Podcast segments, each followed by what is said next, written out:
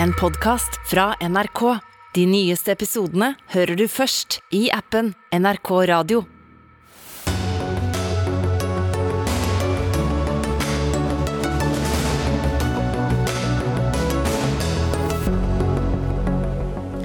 Det er krig i Europa. Russiske styrker angriper Ukraina. De kommer til sjøs, fra bakken og fra lufta.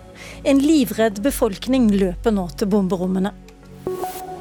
Et angrep på det frie og demokratiske Europa, sier statsminister Jonas Gahr Støre. Vårt samarbeid med Russland kan ikke fortsette som før, krever Venstre. Krigen vil gi flere flyktninger, høyere strømpriser og en skyhøy oljepris. Men eh, norske forbrukere er bakerst i køen av dem vi skal synes synd på nå, sier sjeføkonom. Ja, velkommen til Dagsnytt 18, hvor Lilla Sørhusvik er den som skal stille spørsmålene i kveld. Vi skal også høre at Moskva-børsen stuper. Hva det betyr for norske pensjonspenger, det vil oljefondsjef Nicolai Tangen svare på senere i sendingen. Men eh, først. Klokka fire i morges annonserte Russlands president at en militær aksjon var i gang i Øst-Ukraina. Det han egentlig varsla, det var krig i Europa, og det av et omfang som vi trodde hørte historien til, sa Natos generalsekretær Jens Stoltenberg etterpå. Og nå har eh, Putin akkurat hatt en ny tale der han sier invasjon var eneste måten å beskytte Russland på. Du våkna i Kiev i morges av eksplosjoner, utenriksreporter Gro Holm, og du er med oss fra utkanten av Kiev i Ukraina nå i dag. Hvordan er situasjonen der du er nå? Akkurat her jeg nå det, står på bakken, så er det ganske rolig. Men jeg har stått her i ca. et kvarter, og i løpet av den tiden så har det gått i hvert fall to eh, krigsfly ganske tett over oss her, en, med en voldsom lyd. og eh, Det er sannsynligvis russiske, russiske, fly.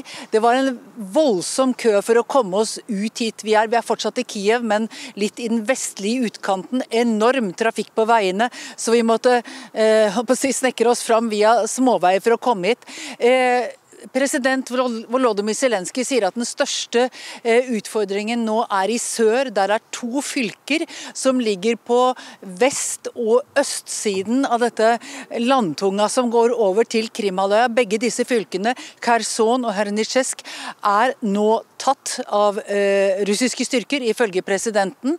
Så pågår det eh, kamper om kjernekraftverket i Tsjernobyl, som ligger altså nord for Kiev, ikke langt fra grensa til Hviterussland. Og Det er viktig fordi at eh, eh Ukraina får ca. 60 av eh, energien sin fra kjernekraftverk. Og, og Tsjernobyl er altså ett av de fire store kjernekraftverkene, så dette kan tyde på at man vil ta eh, med styrker, så å si, kontroll over, over kraften.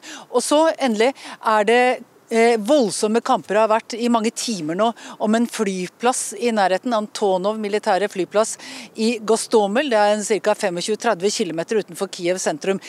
Den ble tatt av eh, helikopterstyrker, russiske helikopterstyrker tidligere i dag, og nå har altså spesialstyrker fått eh, ordre fra president Volodymyr Zelenskyj om å ta den tilbake alle de menneskene du traff eh, på veien, og som man eh, hører beskrevet på veiene rundt omkring i Ukraina, hvor er de på vei? De er på vei, altså de som har bil, de er jo på vei vestover. For det føles som det sikreste akkurat nå. Å dra i retning av, eh, av Polen eller Romania eller Slovakia. Så de er på vei vestover. Men vi møtte det mest det fortvilede vi så. Det var en gruppe indere som gikk med ryggsekker og, og, ullpledd på en liten sidevei. og Vi spurte hvor de skulle hen, og så sa de vet ikke, vi vet ikke, vi bare flykter, for nå bomber russerne. Eh, så de bare hadde, Vi vet ikke hvor de kom fra, men de var altså rett og slett bare eh, folk som flyktet i panikk, og som ikke har noe nettverk av slektninger, som ikke har en organisasjon som NRK i ryggen som kan hjelpe til. Dette var virkelig fortvilte mennesker og luftrommet over Ukraina er nå stengt. Har Ukraina vært nok forberedt på den invasjonen som kom nå? Jeg tror det ukrainske militæret har gjort det de kan med, de styrkene de har. Eh, de har jo et eh, flyvåpen som overhodet ikke kan, kan, konkurrere med det russiske. De har et altfor dårlig luftforsvar, sier de selv. Eh, og de har ingen marine som kan hamle opp med Svartehavsflåten, den russiske Svartehavsflåten i, i Svartehavet, og som også jo nå kontrollerer i praksis Azovhavet, som, som da grenser til, til Donbass-området bl.a. Så så, så, så, de er mye svakere. De har riktignok en 400 000 veteraner og mange som nå har prøvd å lære seg å skyte og håndtere våpen og, og slutte seg til Heimevernet. Men det er klart, de er underlegne.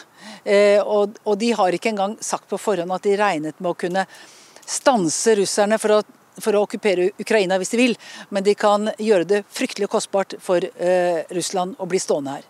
Hjertelig takk for den rapporten fra Ukraina, Groholm. Vi vender oss til deg i Russland. Jan Espen Kruse, korrespondent, du er med oss fra byen Rostov.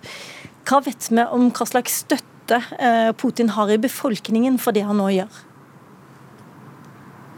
Vi vet ikke så veldig mye om det, men en meningsmåling som ble offentliggjort for noen dager siden, eh, viste at 73% av de spurte var enige i at Russland anerkjente disse to opprørsregionene i eh, Øst-Ukraina.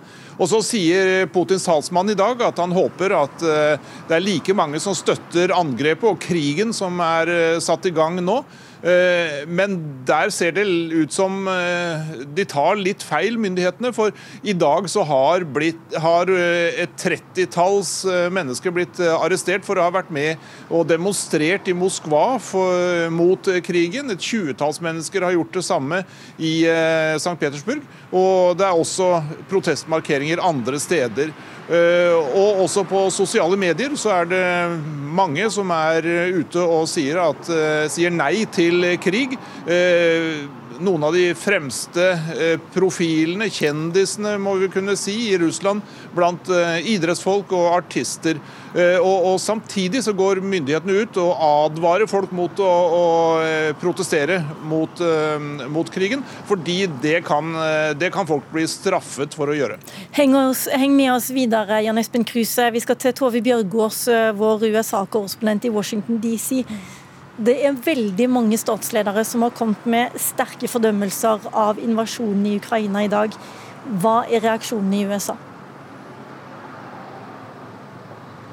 Den aller sterkeste Biden sa jo allerede i natt at Putin alene er ansvarlig for dette som han mener vil føre til katastrofale tap av menneskeliv. Og I morges hadde Biden et møte med lederne for G7-landene, og de skal nå være villige til å trykke på den store knappen, atomknappen for sanksjoner, som han kaller det, og stenge Russland ute fra bankoverføringssystemet Swift, som altså skal gjøre det mulig for eh, Russland å overføre penger til, til utlandet via dette internasjonale systemet. Eh, Russland har jo sagt, eh, Putin sa i sin tale i morges så, så, advarte han jo kraftig mot dem som skulle forsøke å stanse denne invasjonen hans, og sa at, at dette er ikke bare myntet på nabolandene, det er myntet på USAs imperium av løgner. Så retorikken er sterk på, på begge sider her. Og Biden han skal holde en tale om noen minutter, om litt under en halvtime. Så da får vi høre mer om planene hans og til G7-landene.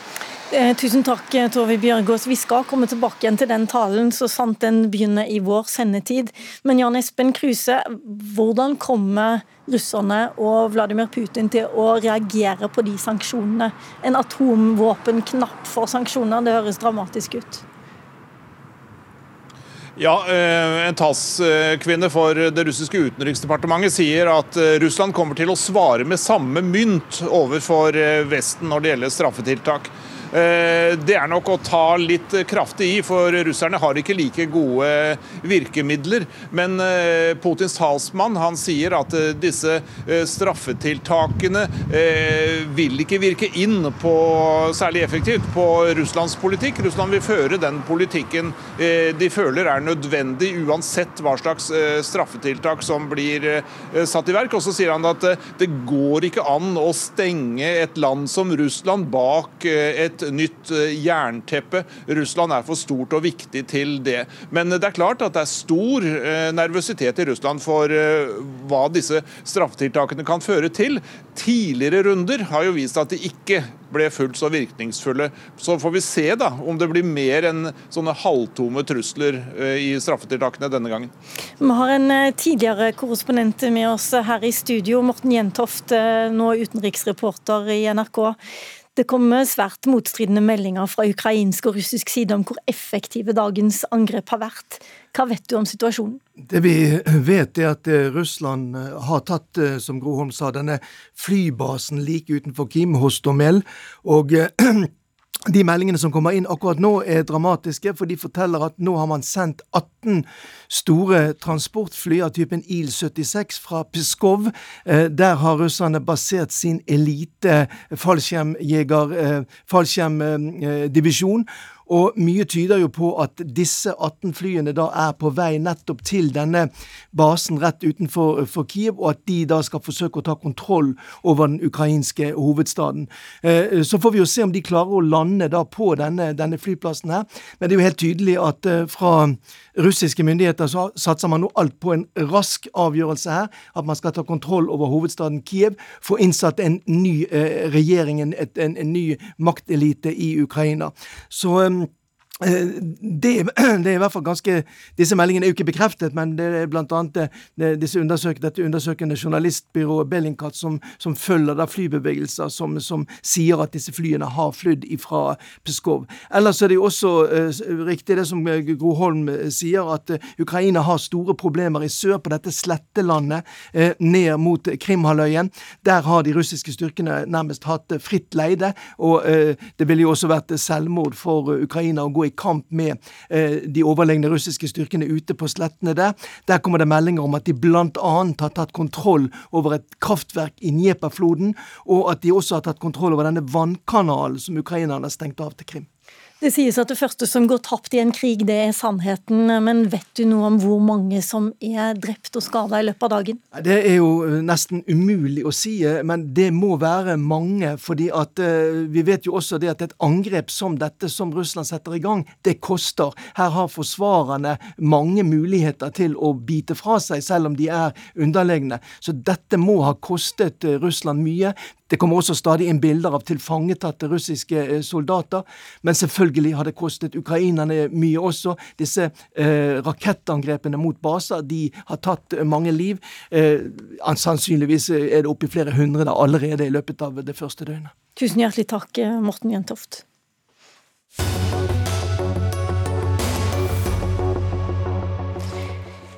Og da ønsker jeg hjertelig velkommen statsminister Jonas Gahr Støre. Du har eh, fordømt den russiske invasjonen på det sterkeste i dag, og kaller dette et angrep på det frie og demokratiske Europa.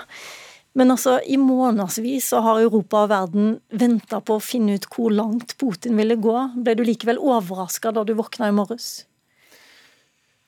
Ja, jeg velger å si ja, fordi jeg i det lengste hadde håpet at dette skulle ikke Europa oppleve. At Europa, som har all erfaring, alle virkemidler, alle redskaper i verktøykassa til å løse politiske problemer, eh, aldri så vanskelige, løse dem politisk fredelig, skulle da se en fullskala militær eh, invasjon som vi ser nå. Eh, men vi har jo sett det komme. Det har vært varslet i etterretningen. Disse etterretningsrapportene har jo da vist seg å være riktige. Mange har jo stilt tvil ved dem. Det har ikke jeg gjort, men det har jo vært åpent allikevel.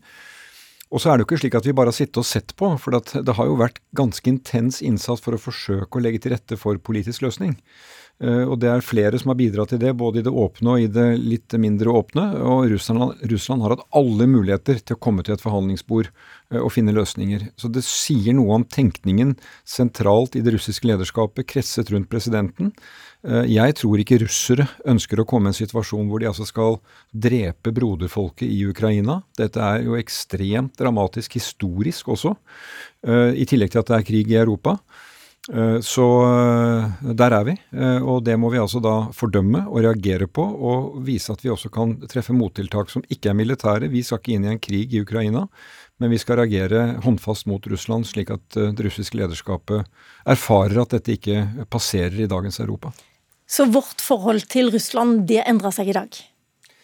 Ja, Russlands forhold til verden er jo endret med Putins tale mandag kveld. Måten han leser historien på, den retten han gir seg til å være en fortolker av historien. Jeg syns det var veldig sterkt det klippet som lå ute på NRK uh, i går av Kenyas FN-ambassadør, som forklarte at i Afrika er det veldig mange grenser man ikke nødvendigvis er fornøyd med etter kolonitiden. Men hvis det er én ting man er enig om, så er det iallfall det verste er å endre på de grensene. Man må finne løsninger på dem. Eh, og det var klok manns tale. Eh, det Putin gjør, er jo å gi seg selv en fortolkningsrolle. At han kan gå inn og frasi andre staters suverenitet, eh, endre grenser og skape nye stater som man da nærmest spiller på som, som på et sjakkbrett. Hele den norske utenrikskomiteen i Stortinget, som du leder, Ine Eriksen Søreide, er på tur i USA for øyeblikket. Og Hvordan reagerte du på nyhetene da du hørte dem i dag? Jeg tror jeg reagerte akkurat som eh, statsministeren eh, gjorde. Det var eh, langt fra overraskende, men likevel veldig rystende. Vi er jo her nå og kom til møtet i Sikkerhetsrådet i går kveld, det ekstraordinære møtet om situasjonen i Ukraina. og Det var jo snakk om da egentlig bare timer før invasjonen var i gang. Eh, dette er ene og alene Russlands ansvar. De har hatt muligheten til å velge både diplomati og fred, men de har nok en gang valgt å invadere et annet land. De har nok en gang valgt krig, eh, og de har vendt seg bort fra eh, det internasjonale samfunnet. De velger nå igjen å forsøke å endre både historien og grenser i Europa med militærmakt. Det er helt uakseptabelt, og det fordømmer vi på det sterkeste. Og vi holdes godt orientert eh, fra regjeringa. Det er viktig i en sånn situasjon, også fordi vi selvsagt er oppmerksom på hva som kan berøre våre umiddelbare nærområder, i tillegg til den dramatiske situasjonen i Ukraina. Og komiteen eh, reiser hjem en dag tidligere enn planlagt, også fordi at vi ønsker å følge situasjonen tettest mulig. Jeg må innrømme at eh, TV-bildet av deg i USA er ikke helt optimalt, eh, Ine Eriksen Søreide. Så det er i hvert fall bra for eh, den norske dialogen at utenrikskomiteen kommer hjem igjen. Men la meg vende meg til deg, Guri Melby, leder i Venstre. Du sier i dag at dette må få konsekvenser for vårt forhold til Russland. Hvilke konsekvenser ser du for deg? Dette er jo det største angrepet på demokrati og på frihet i Europa på flere tiår. Eh, og som statsministeren sa helt tydelig, så endrer det her Russlands forhold til både verden og til Norge. Og så er det klart at det er veldig krevende for oss i Norge, som deler grensa med Russland. Men det er klart, altså når verden forandrer seg, så vil det også få konsekvenser for vårt samarbeid. Vi er jo selvsagt opptatt av at vi må fortsette å gjøre det vi kan for å bidra til lav spenning i nord, men vi bør jo se på hva det er Norge kan gjøre uh, for å være ekstra tydelig. Vi har bl.a. i dag tatt til orde for at oljefondet bør trekke seg ut fra sine investeringer i Russland. At Equinor bør trekke seg fra sine samarbeid i Russland. Uh, nettopp for på den måten å ramme det som er da eliten og oligarkene som omgir Putin, men ikke det som handler om folk-til-folk-samarbeidet mellom Norge og Russland. Hva sier du til dette, Støre? Vi har en linje i Norge at vi slutter oss til de sanksjoner som våre nærmeste uh, inngår. Uh, hvis det er fra FN-siden, FN-sanksjoner, slutter vi oss til det. I dette tilfellet er det med de europeiske partnerne. Vi har ikke egne norske sanksjoner. Det mener jeg er klokt for et land som Norge. Og Da betyr det at vi uh, gikk med på en type pakke sanksjoner i går etter annekseringen av Øst-Ukraina, jeg vil kalle det det, fra Russland. Og det kommer jo en ny kraftfull pakke i kveld som vi skal ta stilling til utover på morgendagen. Uh, og Det ble omtalt tidligere i sendingen. Det blir omfattende økonomiske tiltak. Og Da skal det omsettes i norsk lov, og da får vi se om det får påvirkning for norske selskaper. Faktisk så har vi med oss eh, Simen Ekern fra Brussel, du er vår korrespondent der. Hva vet du om hvilke sanksjoner som diskuteres eh, før eh, møtet som skal være i kveld? Ja, Nå er det litt under en time til de første eh, stats- og regjeringssjefene ankommer bygningen hvor jeg står nå, for å diskutere det. Diskusjonene har eh, pågått eh, i hele dag. EU-ambassadører som ser på detaljene. Men det vi jo vet, er at ja, en mann som lederen for det europeiske diplomatiet, Josep Borrell, har sagt at dette blir sanksjoner av en størrelse man aldri har sett maken til i EUs historie. Det kommer til å bli en storslegge, men det er tydeligvis fortsatt diskusjoner på en del punkter. og Det er noen land som argumenterer for unntak. Det er jo klart at dette blir sanksjoner som kommer til å ramme russisk økonomi hardt, men den kommer også til å ramme europeiske selskaper hardt. Så det er nasjonale egeninteresser ute og går her også, men signalene fra EU-lederne i dag, Ursula von der Leyen f.eks., som hadde felles pressekonferanse sammen med Jens Stoltenberg i Nato-bygget der jeg var tidligere i dag, eh, lar det jo ikke være noe særlig tvil om at dette skal være en samlet reaksjon, og den skal være tydelig. Fordi man ser dette ikke bare som en invasjon av et europeisk land, men eh, som en eh, angrep på hele det rettsbaserte systemet man har i verden, og en kamp mellom demokrati og autokrati, som hun sa. I morgen er det krisemøte i Nato. Er det aktuelt med flere styrker? Ja, det er det nok. Det er, i, alle fall I dag ble det jo klart at uh, muligheten til å flytte styrker uh, raskere til å sette inn styrker andre steder ble vedtatt i, i, dag. Det har jo vært flere kunngjøringer om nye kampgrupper forskjellige steder i Øst-Europa. Nato er jo hele tiden veldig opptatt av å berolige eh, de landene eh, på Russlands grense som, som, har vært aller tydeligst i sine reaksjoner, og kanskje også aller mest bekymret for hva neste trekk i, i Putins plan skal være. Så på, på, på møtet i, i, Nato i dag, etter dette Nordatlantiske rådet som, som, hadde møte, så er jo det igjen at man slår fast at man ikke vil akseptere noen som helst eh, tilnærming eh, til å, å, å, bryte den territorielle integriteten til Nato-medlemmer. Men det er jo sånn at Nato er en allianse for Nato-medlemmer, og på spørsmål om hva man gjør eh, inne i Ukraina, så, eh, så, er det jo ikke mye man kan gjøre med, med militære styrker, annet enn å bidra, da, som man jo kommer til å fortsette med også enkeltlandene i Nato, med våpensystemer med eh, styrker, med eh, etterretning, med økonomisk eh, bidrag. Og Fra EUs side her så skal man jo også i dag diskutere hva man skal gjøre med det som er blitt beskrevet som en potensiell flyktningkrise med millioner av mennesker som må finne et annet sted å bo. Der har jo landene på grensen også i dag slått fast at eh, vi eh, ønsker alle ukrainere eh, velkommen. Og Så får vi se om de kommer nærmere noen beslutninger om hvordan det skal håndteres av EU på lang sikt. Hvor, hvordan man skal løse en potensiell humanitær krise. Både umiddelbart og også hva en sånn type flyktningkrise vil bety for det europeiske samholdet. Tusen takk skal du ha, Simen Ekan fra Brussel. Støre, her står eh, utfordringene i kø, men la meg først eh, gå på de økonomiske sanksjonene. Nå kommer det meldinger om at eh, Boris Johnson i Storbritannia han ønsker å forby Aeroflot til, til Storbritannia. Han ønsker også å gå videre med flere sanksjoner mot banker. Er dette noe du kan vurdere? Det utarbeides jo slike sanksjoner på tre nivåer. USA, og så er jo Storbritannia opererer for seg, og så er det EU.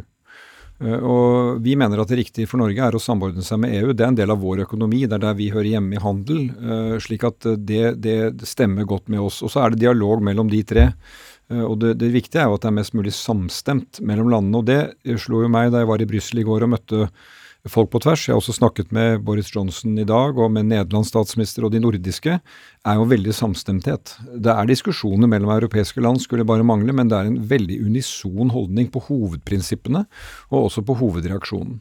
Da lurer jo jeg veldig på hvor mye eh, norske politikere er villige til å ofre for eh, å straffe Russland, eh, Guri Melby. Blant annet så kan sterkere sanksjoner bety at Putin kutter gassrørledning til Tyskland, og da kommer strømprisene i Norge til å gå opp. Mm. Ja, Det vi ser her, er jo klart at det med sikkerhet henger veldig tett sammen med energiforsyning. Eh, og at det er kanskje på tide at vi får en litt mer nyansert debatt om det også i Norge. Jeg må bare si at jeg støtter jo statsministerens linje om, om at vi da her har et veldig tydelig europeisk samarbeid eh, om sanksjoner, og også om hva slags bidrag vi skal gi. Ikke minst hvordan vi skal håndtere en potensiell flyktningkrise. Det er kjempeviktig.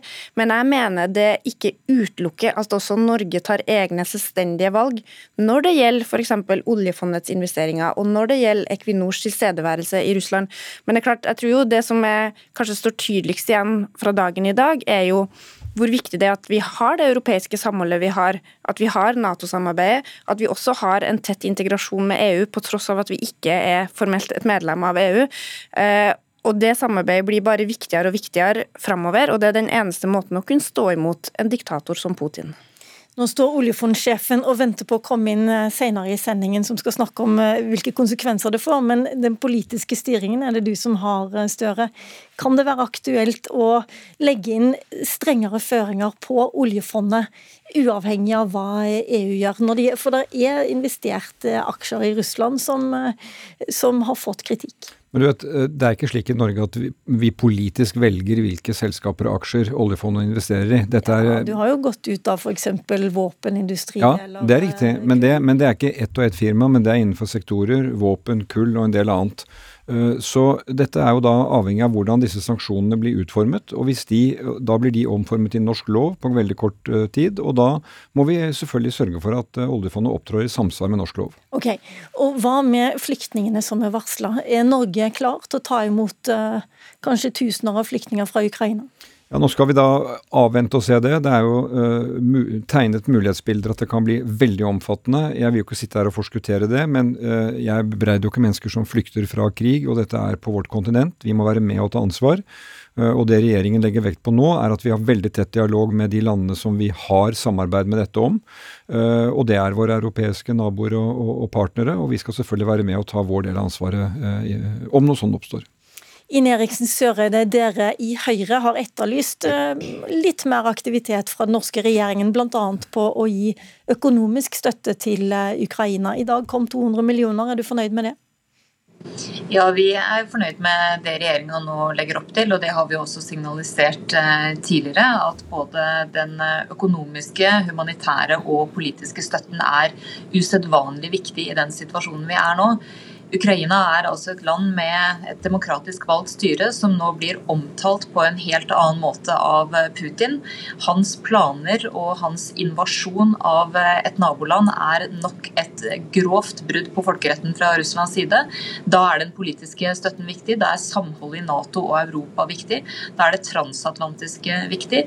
Og jeg mener også at det vi nå ser knytta til sterkere restriktive tiltak og sanksjoner, er en helt riktig linje som har brei oppslutning i det norske politiske systemet.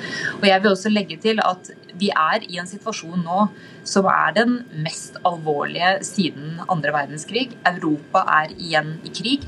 Og ikke minst så har vi en situasjon som krever at vi nå forholder oss til verden som den er, og ikke som vi skulle ønske at den var. Og Det betyr at i dag er tiden for eh, fordømmelse av Putin, fordømmelse av det Russland nå gjør, og ikke først og fremst, som jeg har notert at enkelte, i enkelte miljøer har ønska i mange år, forståelse for det Putin står for. Dette er ikke en situasjon vi kan være bekjent av i Europa, og nettopp derfor er fordømmelsen så sterk. Derfor kommer tiltakene til å bli stramme, og derfor er det Putin som må ta konsekvensen av de valgene han nå har tatt. Guri Melby, Venstre-leder, du foreslår å at Nato bruker sine 40 000 responssoldater eh, og sendes til eh, Øst-Europa? Ja, vi har pekt på den muligheten. Nato har jo denne styrken eh, som er ment for denne type krisesituasjoner. Den ble jo spissa etter eh, Russlands invasjon på Krimhalvøya. Eh, og vi ser jo det her som et godt eksempel på en situasjon der disse styrkene bør tas i bruk. Altså, jeg tror mange i Norge nå kjenner på en veldig stor utrygghet over den situasjonen som har oppstått. Jeg har bl.a. fått rapporter for at nå tømmes apotekene for jodtabletter. Det sier litt om den utryggheten vi føler. og Da tror jeg vi kan bare tenke oss hvordan det oppleves for både Russland og Ukrainas naboer i Øst-Europa. Så det vi kan gjøre for å stille opp for våre allierte i Øst-Europa, er bl.a. å ta i bruk disse styrkene. Derfor har vi pekt på det som en mulighet. Og vi mener at Norge, dersom vi får forespørsel om å bidra, bør være eh, villig til det. Støre. Bare for å være litt eh, formell her nå, for når man hører på Guri Melby, så kan det høres ut som vi skal sende 40 000 soldater til Ukraina for å slåss mot Russland. Nei, det har jeg ikke sagt. Nei, men derfor så sier jeg veldig klart det. Det som er av Nato-styrker, skal sikre Nato-landenes sikkerhet. Det er viktig for Norges sikkerhet, og det er viktig for de landene som er tett på. Norge bidrar til det. husk på det, det er viktig å understreke, fordi eh, Russland prøver å si det slik at de er truet av Nato. De er ikke truet av Nato. Nato er en forsvarsallianse. Vi tar vare på medlemmenes sikkerhet. Det er defensivt. Men vi har også evnen til å forsvare oss. Men altså, og vi kan Norge forsvare oss har sammen. 50-60 soldater i, eh, i Baltikum. Det er jo ikke veldig mye for Nei, mange andre. Nei, men vi har, eh, vi har mer enn det. Vi har en fregatt som seiler i Middelhavet sammen med andre. eh, Og vi skal selvfølgelig være med og bidra på denne måten. Men dette handler jo om at, at vi gir allierte trygghet, akkurat som allierte gir oss trygghet. Og det er viktig. For Norge er det viktig at vi fortsetter helt rutinemessig å øve i Norge. Vi skal ha en øvelse i Norge nå i mars, som er planlagt for lenge siden, gjennomføres. Har ikke noe direkte med Ukraina å gjøre, men er en måte å vise at Nato kjenner Norge, kjenner hvordan det er å øve i Norge. Det er ikke opp mot grensen mot Russland, men det er under norske forhold. Så det er bare viktig å ta det ned. Jeg, jeg tenker at her gjør uh, den øverstkommanderende i Nato uh, kloke vurderinger når han vurderer planverket, og dette følger vi nøye med på og bidrar til i, i samtalen i Nato. Jeg har ikke tid til å fortsette den debatten akkurat nå, men jeg har lyst til å spørre deg før du går ut, eh, Jonas Gahr Støre. Har nordmenn grunn til å være nervøse nå? Jeg vil gi et beroligende ord på det. Vi har ikke observasjoner ved norske grenser tett på Norge som vitner om at det er uh, utrygghet nære oss. Så det vil jeg berolige. Vi følger nøye med. Vi har også et godt forsvar og en god allianse å være med i. Men jeg mener at vi som europeere skal føle uro ved at det nå er en fullskala krig på Europas jord. Og jeg gjentar der jeg begynte, det er ingen annen del av verden som har bedre forutsetninger til å løse selv de vanskeligste spørsmålene politisk enn Europa. Og Vladimir Putin har snakket seg, tenkt seg, utviklet seg inn i et hjørne hvor han overfor det landet som han jo da, hvis folk han mener han står aller nærmest, nå går løs på med krig. Og det er, hvis jeg skal bruke et ord, mellom land, så er det snakk om vold i nære relasjoner vi er vitne til nå. Tusen takk for at du kom, Jonas Gahr Støre, statsminister. Takk til deg, Guri Melby, leder i Venstre. Og tusen takk til deg også, Ine Eriksen Søreide, som var med oss fra USA i dag.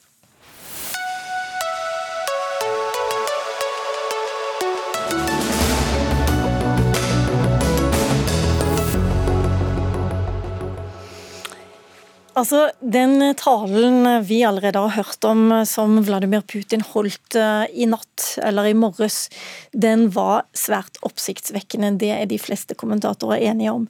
Det var altså like før klokken fire norsk tid.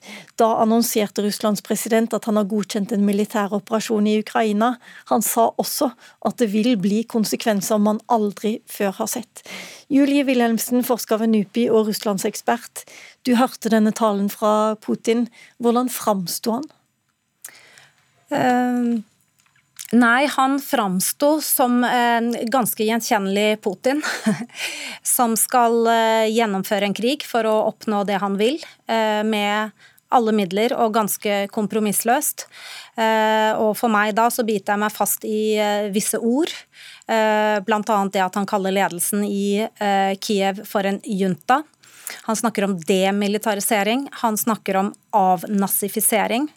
Eh, og det for meg er en ordbruk som varsler at her eh, eh, går Russland for et regimeskifte i Kiev. Det er det de skal prøve å få til.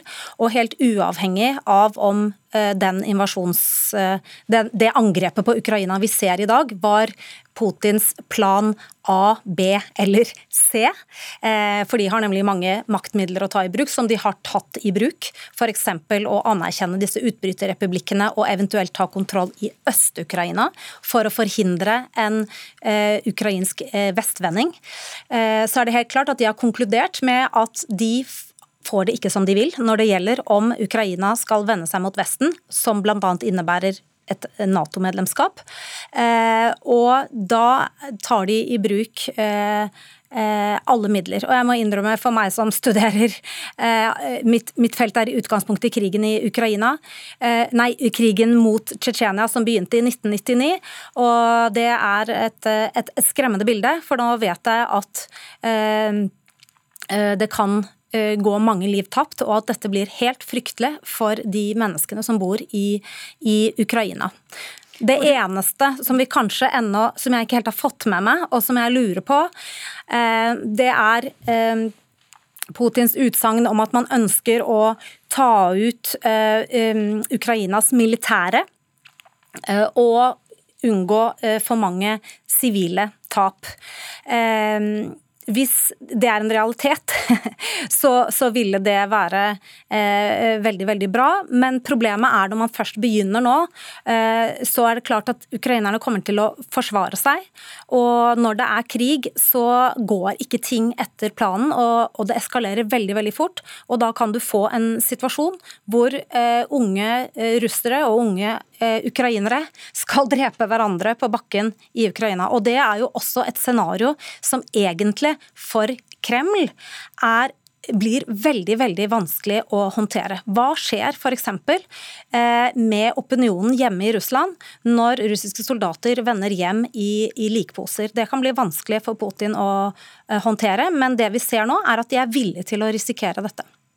Tom Røseth, du er hovedlærer ved Forsvarets høgskole og stabsskolen med Ukraina som, eh, som spesialområde. Hvor trygt eh, sitter Ukrainas president eh, Vladimir eh, Zelenskyj nå? Ja, jeg vil si han sitter trygt inntil videre, men det er klart det, situasjonen er ustabil. og det, det Fremrykkingen av, av, russiske styrker kan presse Kriv i, i løpet av kort tid. Men men eh, jeg tror han sitter trygt inntil videre, og forhåpentligvis så kommer han seg eh, unna hvis de skulle klare å ta Kiev. da. Men Ukraina har da hatt russiskvennlige presidenter før, eh, uten at Russland av den grunn har gått til krig for å få dem innsatt?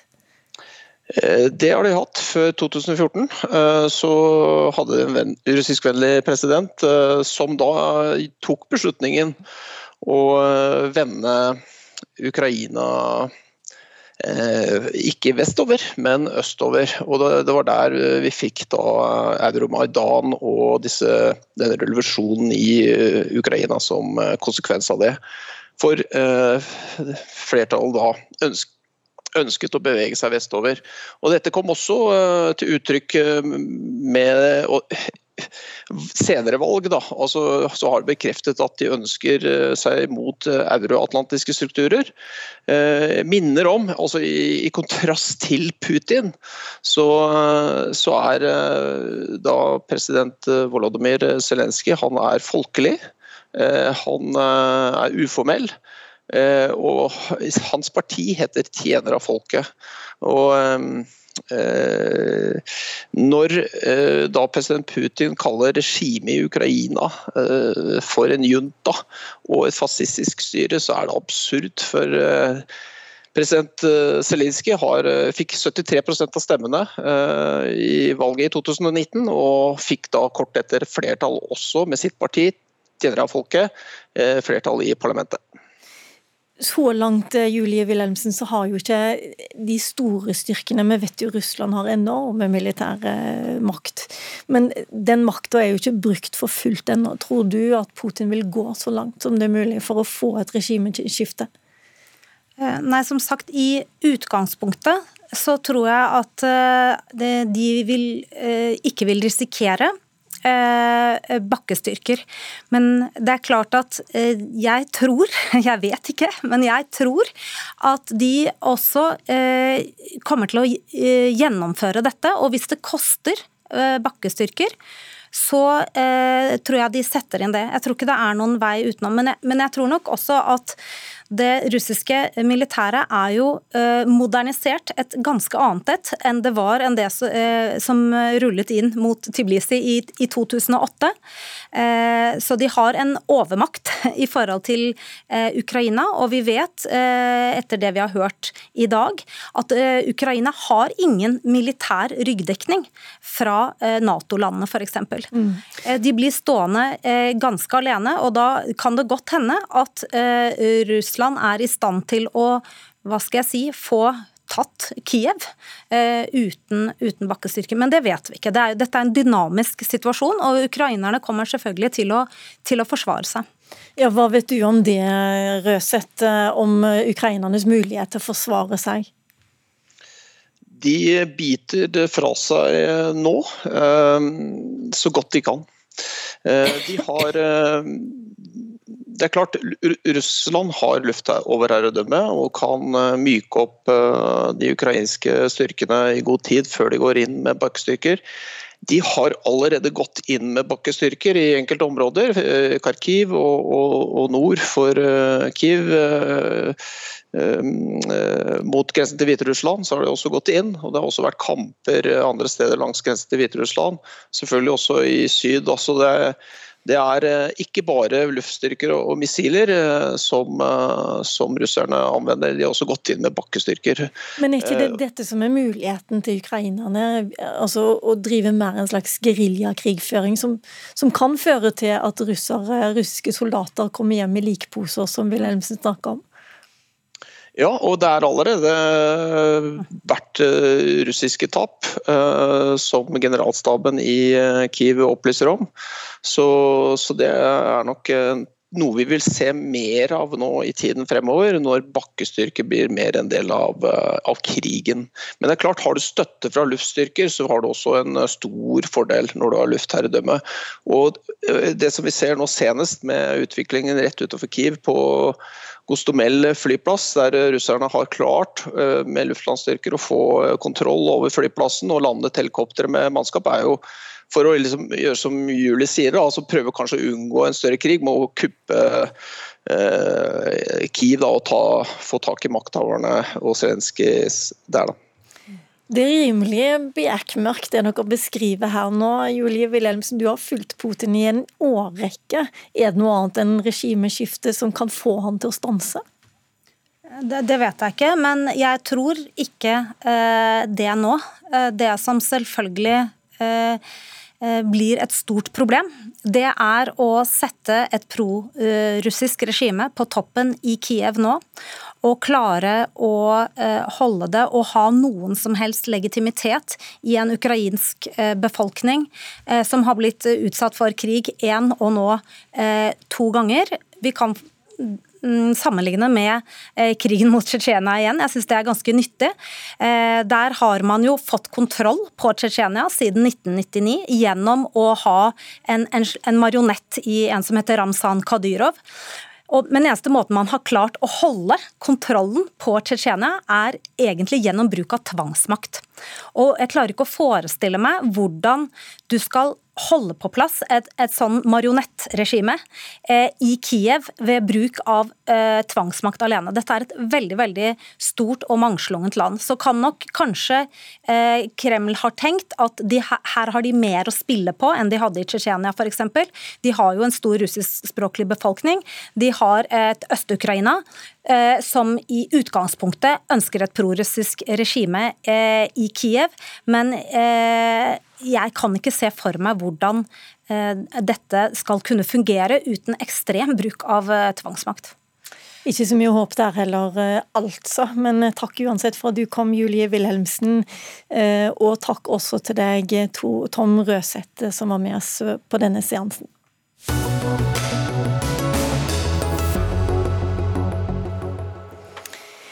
Den eh, russiske invasjonen i Ukraina skaper skjelvinger i markedene over eh, hele verden. Gjennom dagen har vi sett kraftige børsfall i Europa, og Moskva-børsen den stuper fullstendig.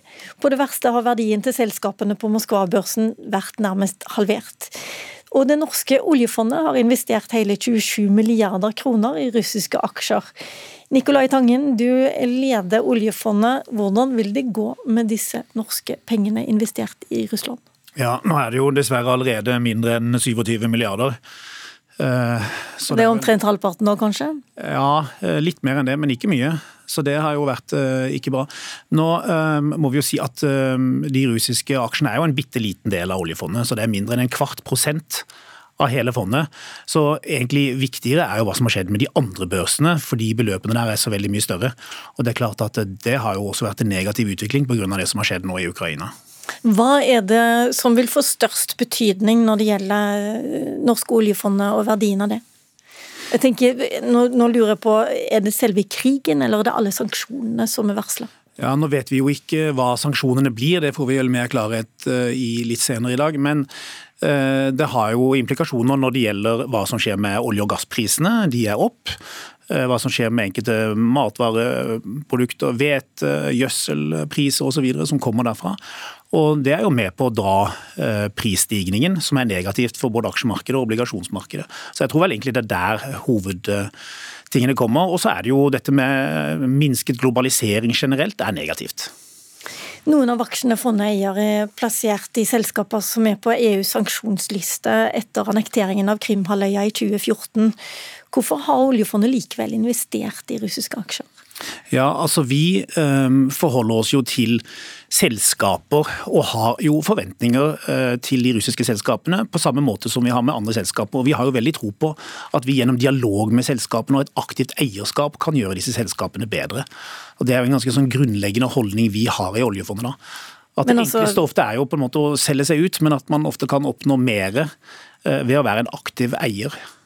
Men dette ene selskapet, oljeselskapet Surgut Neftgass, som sikkert uttales på en annen måte, det kalles eh, altså for eh, Putins sparegris.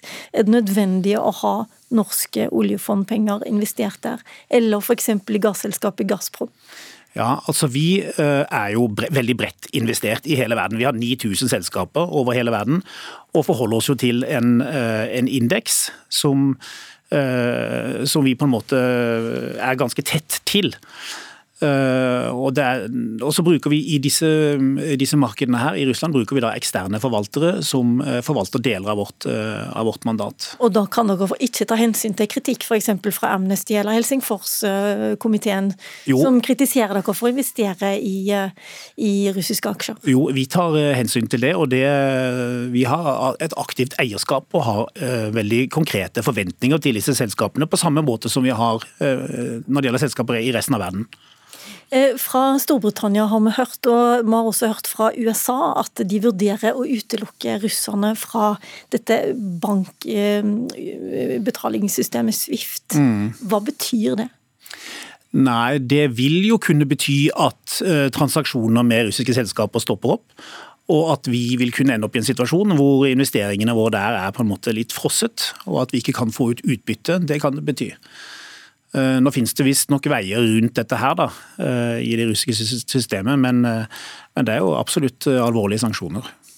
Men eh, invasjonen i Ukraina har også ført til at oljeprisen stiger i været. Et fat olje koster nå 105 dollar, en økning mm. på 7% Norge kan vel også tjene en del på denne krisen? Eh, det er jo riktig, men det er jo ikke dette her en dag hvor man eh, sitter og er glad for at man tjener penger. fordi det er jo veldig alvorlig det som, eh, som skjer der, og det er jo en, en sorgens dag. Men det er klart at høyere olje- og gasspriser gjør jo at, det kommer på sikt potensielt mer penger inn i fondet osv. Og, så og i fondet sitter vi også på energiselskaper som, som tjener penger. Hva betyr dette samla sett? da? Jeg, som oljefondsjef som tar vare på pensjonene våre, eh, betyr det at denne krigen betyr samla sett at vi tjener penger, eller at vi taper penger? Uh, nei, det betyr at vi taper penger. Så i år er fondet ned. Altså Fondet i, år er vel ned en foreløpig sånn 7-8 og I fjor var det jo opp 14 så det svinger jo veldig dette her. Men nei, denne krigen er veldig negativ og veldig trist på alle måter. Tusen takk for at du kom, Nicolai Tangen, sjef for oljefondet. Da vender jeg meg til deg, Harald Magnus Andreassen, som er sjeføkonom i Sparebank1 Markets. Bør Norge beholde aksjene i Russland? Ja, det har ikke jeg noe svar på. Eh, det må tenkes nøye gjennom. Jeg sitter for øvrig et utvalg eh, nedsatt av Finansdepartementet som skal vurdere slike problemstillinger knyttet til fondet. og Jeg tror ikke jeg skal komme med noen konklusjon på det arbeidet. Men at det er en problemstilling, det er helt åpenbart. Og Det vil jo avhenge av hvilke internasjonale tiltak som iverksettes mot Russland. Eh, og hva andre gjør, vil også påvirke hva vi kommer til å gjøre i den saken. Det er ikke bare Moskva-børsen som faller i dag. Markedene skjelver altså over hele verden. Oljeprisene over 100 dollar, som jeg sa. Eh, hva for noen betydning vil dette få for økonomien i Europa? Jeg tror vi først skal si at dette har størst betydning for livene og økonomien i Ukraina. Og nest størst for Russland. Det at børsen i Russland er ned fra toppen i, i oktober november i fjor, på, det var på det verste i dag 70% ned. Det forteller sitt om konsekvensene for Russland. Og i årene etter Krim, annekterte Krim, så har veksten i Russland vært mye lavere enn det den burde ha vært. Og levestandarden har steget langt mindre i Russland enn det den burde gjøre.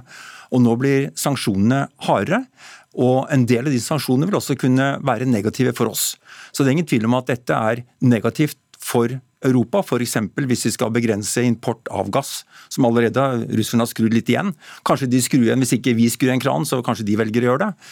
Eh, men i det store og det hele, hvis vi ser bort ifra på energisiden og litt på mat, på hvete bl.a., som de produserer mye av både her og i Ukraina, så er jo Russland en pygme i verdensøkonomien.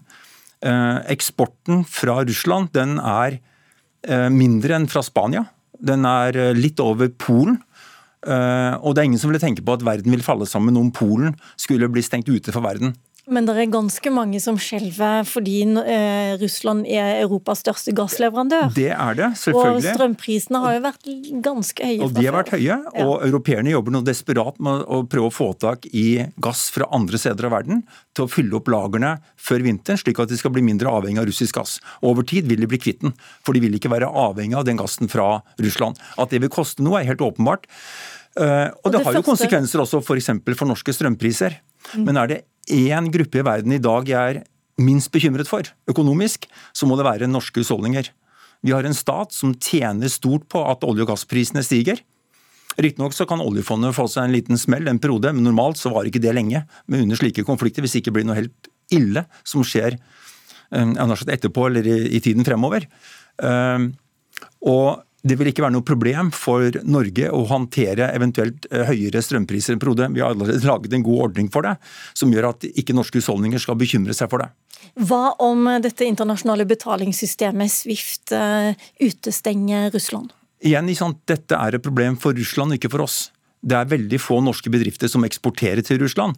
Eh, jeg tror det er 0,2% av vår eksport som går til Russland. Russland er en pygme i økonomisk forstand. De er store på atomvåpen og store på energi og noen landbruksprodukter og noen metaller.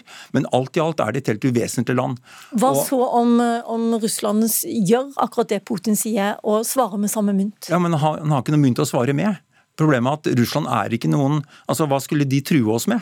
Eh, det som, den største faren trolig, det er noe helt annet enn at de svarer med samme mynt på økonomiske sanksjoner. Det er at de setter i gang en fryktelig cyberkrig, som vi kaller det. Altså at de da går eh, prøver å ødelegge internett. Eh, bryte seg inn i alle offentlige myndigheter og banker og alt det vi har.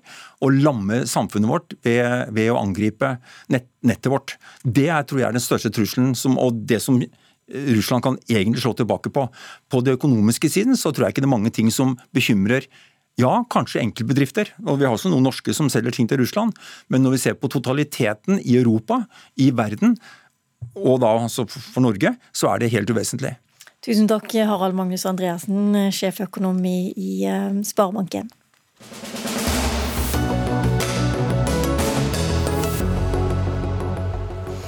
Nå har vi snakka mye om eh, norske følger, men eh, vi må også høre hvordan det står til med alle som har slekt og venner i Ukraina.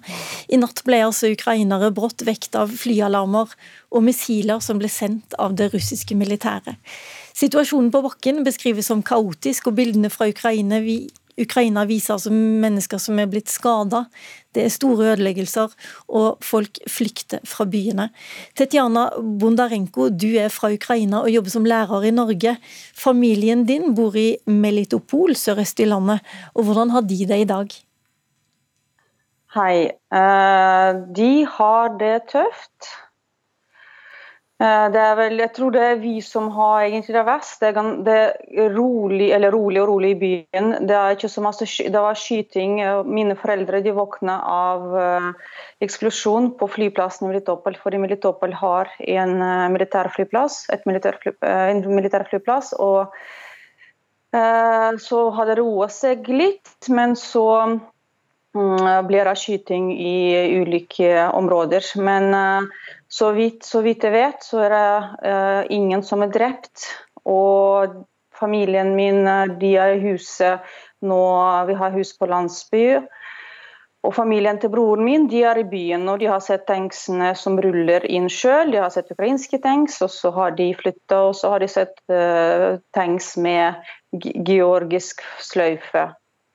Men uh, de sier òg vi må ikke lage panikk, så det jeg fikk beskjed fra min mamma, så roer deg ned. Uh, vår, uh, militær, våre militære de står sterke, og de skal beskytte oss. Men det er tøft å tenke på det.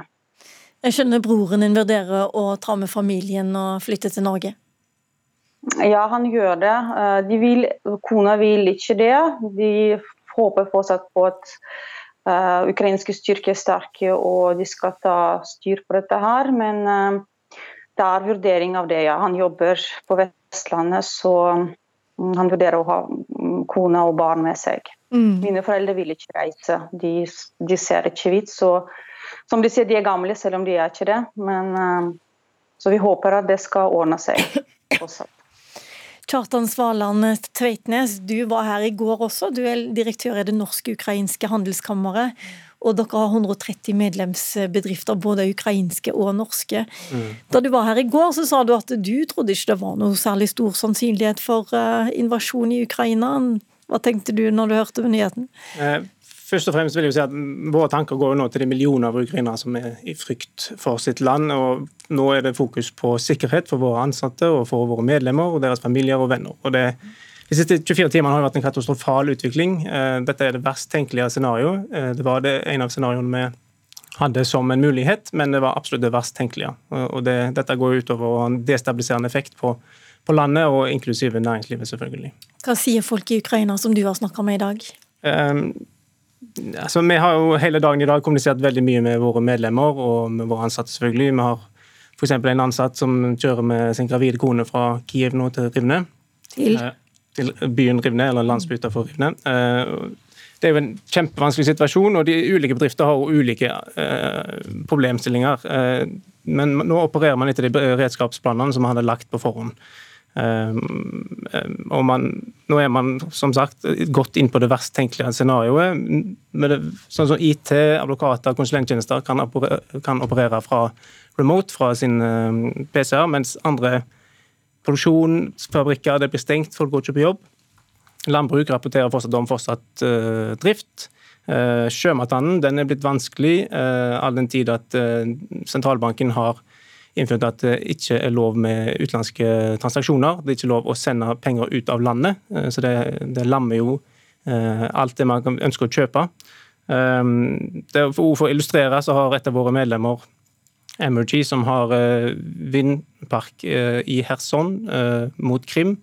Der det starta dagen med at russiske missiler traff deres trafostasjon Eh, og en, eh, en, eller to eh, vindmøller.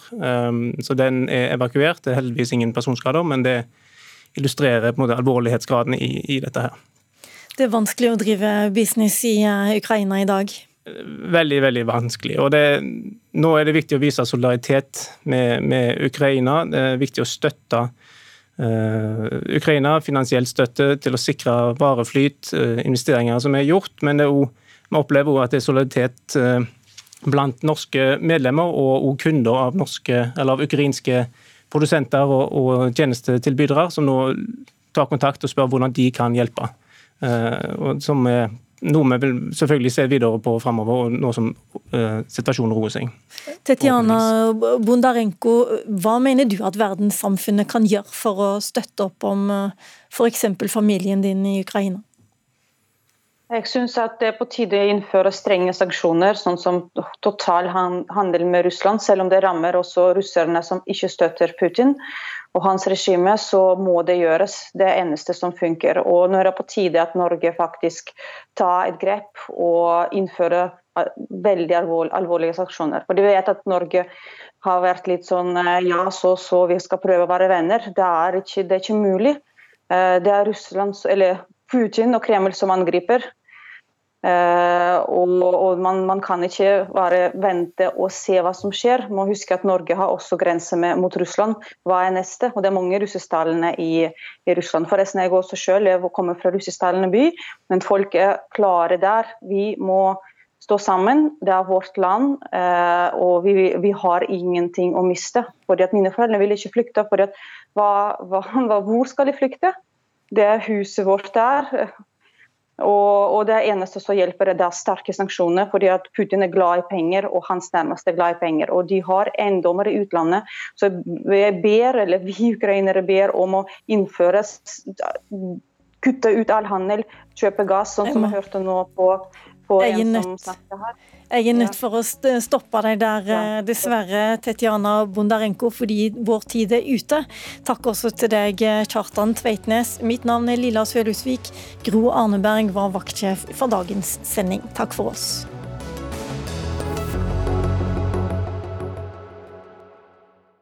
Du har hørt en podkast fra NRK. De nyeste episodene hører du først i appen NRK Radio.